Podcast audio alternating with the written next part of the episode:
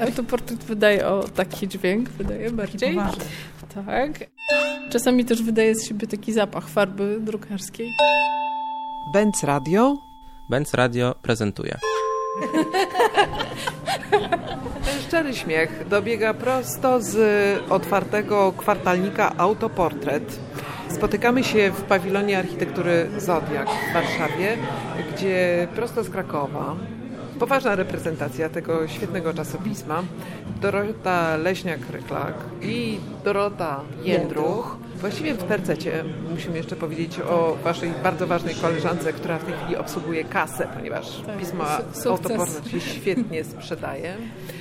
Marta Karpińska, Znam dokładnie. Też, tak. Ale jesteśmy po wykładzie, który Dorota Jędru dała w brawurowy sposób. Wykładu, który pokazuje, w którym kierunku prawdopodobnie poszłaby polska architektura, gdyby tylko ci, którzy dystrybuują środki publiczne, mogli bardziej precyzyjnie wyrażać swoje zamiłowanie do architektury klasycystycznej, prefabrykować ją i zestawiać na dowolne tak naprawdę sposoby. W Warszawie trochę się tego boimy, bo czeka nas odbudowa Pałacu Saskiego i po Twoim dzisiejszym wykładzie widzę to. Widzę te gigantyczne środki publiczne, które idą na zbudowanie Pałacu Saskiego właśnie w takim prefabrykowanym, szalonym trochę Koleżanka Karpińska twierdzi, że lepiej, żeby władza zajęła się odbudową Pałacu Saskiego niż burzeniem Pałacu Kultury. No, są rzeczywiście różne szkoły, ale posłuchajcie, spotykamy się tutaj z tego powodu, że promocja autoportretu, autoportret jest czasopismem, który dostarcza bardzo wielu tekstów, treści do przemyśleń, nie tylko dla tych, którzy aktywnie tworzą architekturę, są architektami i po prostu projektują, ale także dla tych wszystkich, którzy próbują się badawczo zmierzyć z konsekwencjami działania architektów. I zanim omówimy najnowszy numer, jednak porozmawiajmy przez chwilę o Bofilu, czyli o bohaterze dzisiejszego spotkania. Gdybyś Dorota mogła teraz w ciągu kilku chwil zaledwie streścić swój mm. półtora godzinny wykład, który został tutaj owacyjnie przyjęty, byłoby świetnie. Dlaczego on jest interesujący? Tak jak powiedzieliśmy, dlatego, że wybudował rzeczy, co do których nie wierzymy, że one tak naprawdę istnieją. Czyli wybudował budynki socjalne, mieszkania, osiedla wielkoskalowe dla wielu tysięcy osób, które wytwarzają takie senne pejzaże szalonego, szalonego wariata, nie wiem, to jest trochę synonim, ale człowieka, który myśli o tym, żeby odtworzyć jakiś archetypiczny sposób rozumienia klasycyzmu. I tworzy rzeczywiście jakąś taką wizję klasycyzmu w bardzo intensywnych barwach, tak jak mówię, w ogromnych, ogromnych zespołach, różowe to jest wszystko, bardzo mocno kolorowe, integrujące przyrodę, które są tak naprawdę jakąś scenografią. I mamy takie poczucie, że żyjemy w scenografii, czyli jesteśmy mieszkańcami scenografii, kiedy tam, kiedy tam przybywamy. I ja też mówiłam o tym na wykładzie, że nie przypadkiem ten architekt często występuje w filmach i często występuje w teledyskach, bo jego architektura jest po prostu nieprawdopodobna. Czy jest nieprawdziwa do cna, mimo tego, że bardzo prawdziwe jest życie ludzi, którzy tam żyją. Kiedy mówisz o e, Pałacu Saskim, to ja myślę z przerażeniem o tym, o czym ty mówisz, dlatego że, że y, oznaczałoby to tak naprawdę budowę czegoś, co jest założenia fikcyjne, czyli, czyli e, tworzące jakąś karykaturę siebie samego. I oczywiście Bofil nie realizował neoklasycyzmu, on realizował jakiś taki rodzaj kolażu, skojarzeń, które miały odpowiadać jakimś, powiedzmy, ambicjom polityków z tamtego czasu, ale kiedy dzisiaj rozmawiamy z tymi politykami, to oni przyznają się oczywiście, bo jest to zapisane w dokumentach, ale nie uważają tego eksperymentu za najlepszy epizod w ich, w ich działalności, dlatego że okazuje się, że po prostu takie przeskalowane pejzaże burzą jakieś poczucie dekorum, czyli mieszkańcy, którzy szukają przede wszystkim wygodnego i takiego godnego środowiska życia, dostają jakiś pompatyczny pejzaż, który jakby zupełnie e, miał odpowiadać ich wyobrażeniu o tym, czym jest miasto, odpowiada ich wyobrażeniu o tym, czym jest jakaś przerysowana i karykaturalna utopia. Ale nie żyjemy niestety w czasach, w których skromność czy też brak przerysowania jest najmocniejszą stroną rządów, czy też tych, którzy akurat są przy władzy. Żyjemy w, w epoce, kiedy rzeczywiście taka fasadowa potęga różnych atrybutów władzy, jest całkiem mile widziana. Pomyślmy o Macedonii, pomyślmy o tym, co tam się działo przez kilka lat. Znaczy, ja myślę, że rzeczywiście reprezentacja taka związana z, władzą żywi się fałszem. I jak znamy historię propagandy, wiemy jak władcy, czy rządzący, czy to wybierani, czy to tacy, którzy z boskiego nadania rządzili, przedstawiali siebie, to w tym jest rzeczywiście masa kiczu i masa takiego przekłamania, które oczywiście ma budować obraz czegoś, co jest jakby pozaziemskie, czyli czegoś, co jest z nadania innego niż każdy z nas mógłby sobie wyobrazić, czyli jest z założenia nieskromne. Ale oczywiście demokratyczna władza, która, która jakby widzi w sobie reprezentanta uboższych warstw społecznych no nie powinna sięgać do takiego języka, bo to jest język y, Ludwika XIV czy Ludwika XVI, prawda? a nie osób, które myślą o sobie jako o tych, którzy, których jakby wyborcą jest ten, ta najbiedniejsza część społeczeństwa. Więc wydaje mi się, że tutaj to dekorum też, też y, nie jest jakby do końca tym językiem, którym powinniśmy się posługiwać w momencie, kiedy mówimy o, o, o mimo wszystko państwie, które wciąż jest państwem o, średnich dochodach, czyli takim, które, które jakby pompatycznością i nadmiarem, wydaje mi się, nie powinno budować swojej, swojej takiej polityki wizerunkowej.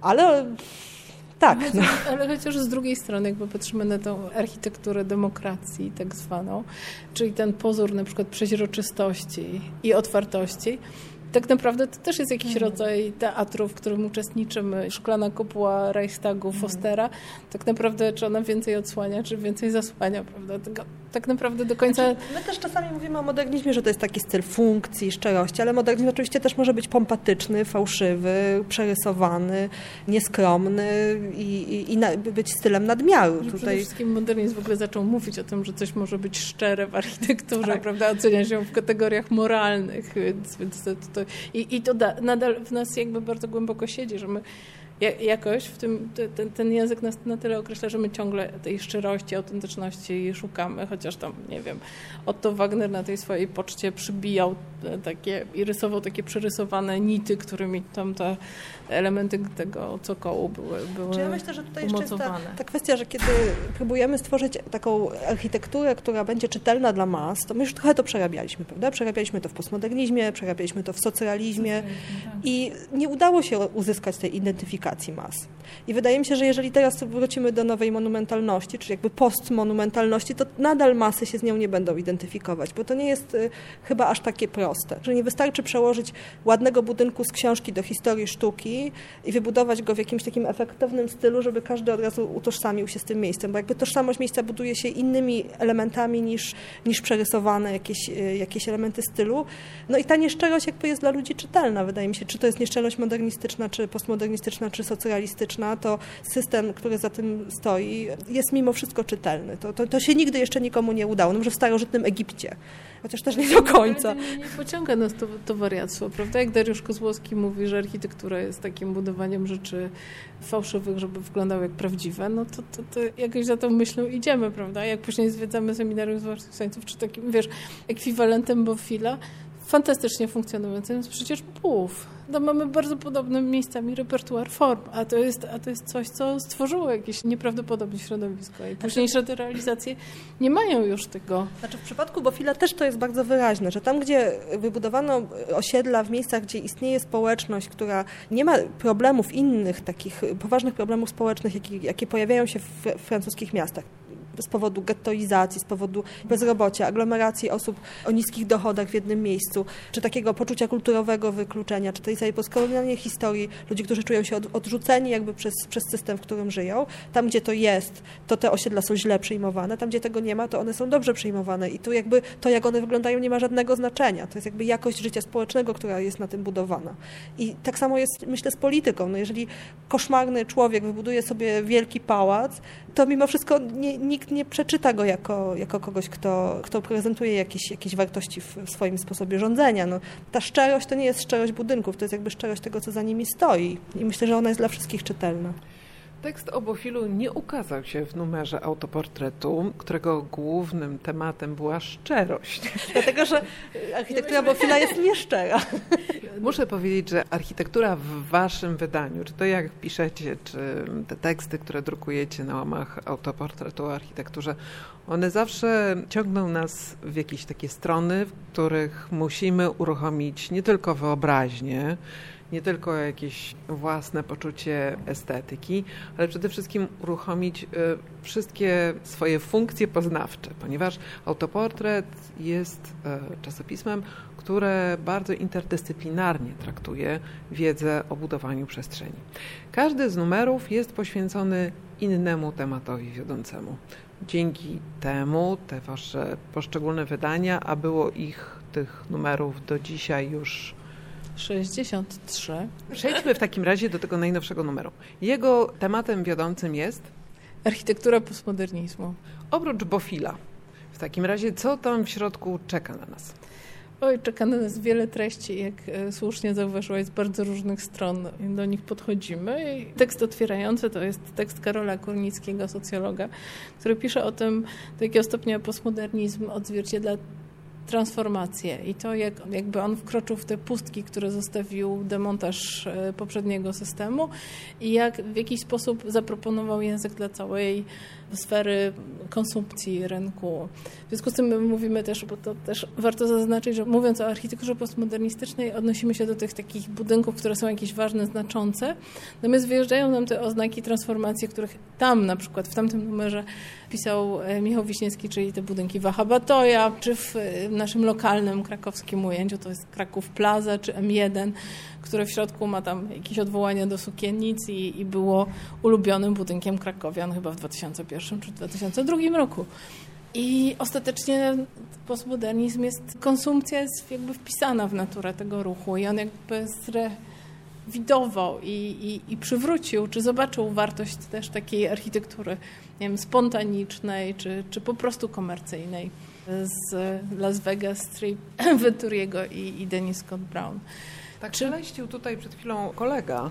On y, miał taką kurteczkę szeleszczącą, także musimy to powiedzieć dla wszystkich zaniepokojonych słuchaczy, którzy się zastanawiali. Kolorystyka bardzo nam się podoba, jaskrawo żółta, bardzo postmodernistyczna. Kto tak szeleścił? Czy to kartki na przykład autoportretu? Nie, autoportret jest bardziej takim drukiem offsetowym i wydaje o taki dźwięk, wydaje bardziej. Tak. Czasami też wydaje z siebie taki zapach farby drukarskiej. Natomiast co jest jeszcze? Rozmawiamy z e, trzema krakowskimi, e, bo też to, to, od tego się nie odżegnujemy, e, mistrzami architektury tamtego czasu lub tego czasu również, bo z Krzysztofem Ingerdenem, który jest współautorem budynku Mangi, Zaratą i Sozaki, Dariuszem Kozłowskim właśnie, który już gościł w naszym numerze o niesamowitości w tym swoim seminarium zmartwychwstańców i Romualdem Leglerem, który zinterpretował w postmodernizmie architekturę Nowej Huty. Mamy Łukasza Wojciechowskiego, który pisze prawie że kryminał i to jest to po, po postmodernizmie amerykańskim, a Łukasz Wojciechowski jest architektem z, piszącym z Wrocławia. Takich też szukamy, bo interesują nas architekci piszący. Zazwyczaj to nie jest takie proste, żeby ich znaleźć, ale się cieszymy, że, że nam się udaje. I w tym, w tym numerze mam jeszcze Macieja Miłobęckiego, który dosyć regularnie też gości na naszych łamach i on pisze, odwołuje się do tego, jak to było w architekturze w Warszawie w latach 80. i 90., ale też pisze o tym, co teraz jakby nam z tego zostało. Bo na przykład, jeżeli modernizm nam tak architekturę wyczyścił, to teraz jest i uruchamia się i wraca jakieś potrzeby ornamentu, zdobienia w inny już sposób niż w postmodernizmie. Tuż obok, blisko jest e, też moja rozmowa z Johannim Palazmą, który wyznaje, że no nie pokocha postmodernizmu, że on się zgadza z jego ideami, bo to jest też demontaż tego takiego monolitycznego ujęcia architekta, więcej psychologii architektury, też udziału mieszkańców, pytania mieszkańców. Tutaj mamy i Jane Jacobs, i powrót do miasta, i te wszystkie idee, które za, za nim stały. Johannika Palazzo mówi, że w myśli to owszem tak, ale już tak jak to jest zrealizowane, te fatalne proporcje, on tego nie, jednak nie, nie może zdzierżyć, tego, tego Gravesa i, i tego Venturiego, to, to jest jednak po prostu niedobre bolą go zęby, czy tam głowa. Ale tak rozglądając się, już podnosząc głowę z nad autoportretu tak. i rozglądając się w przestrzeni tej najbliższej nam dostępnej, czy wydaje Wam się, że ten postmodernizm faktycznie wyprodukował jakieś znaczące ślady tutaj w polskim pejzażu, w polskiej architekturze?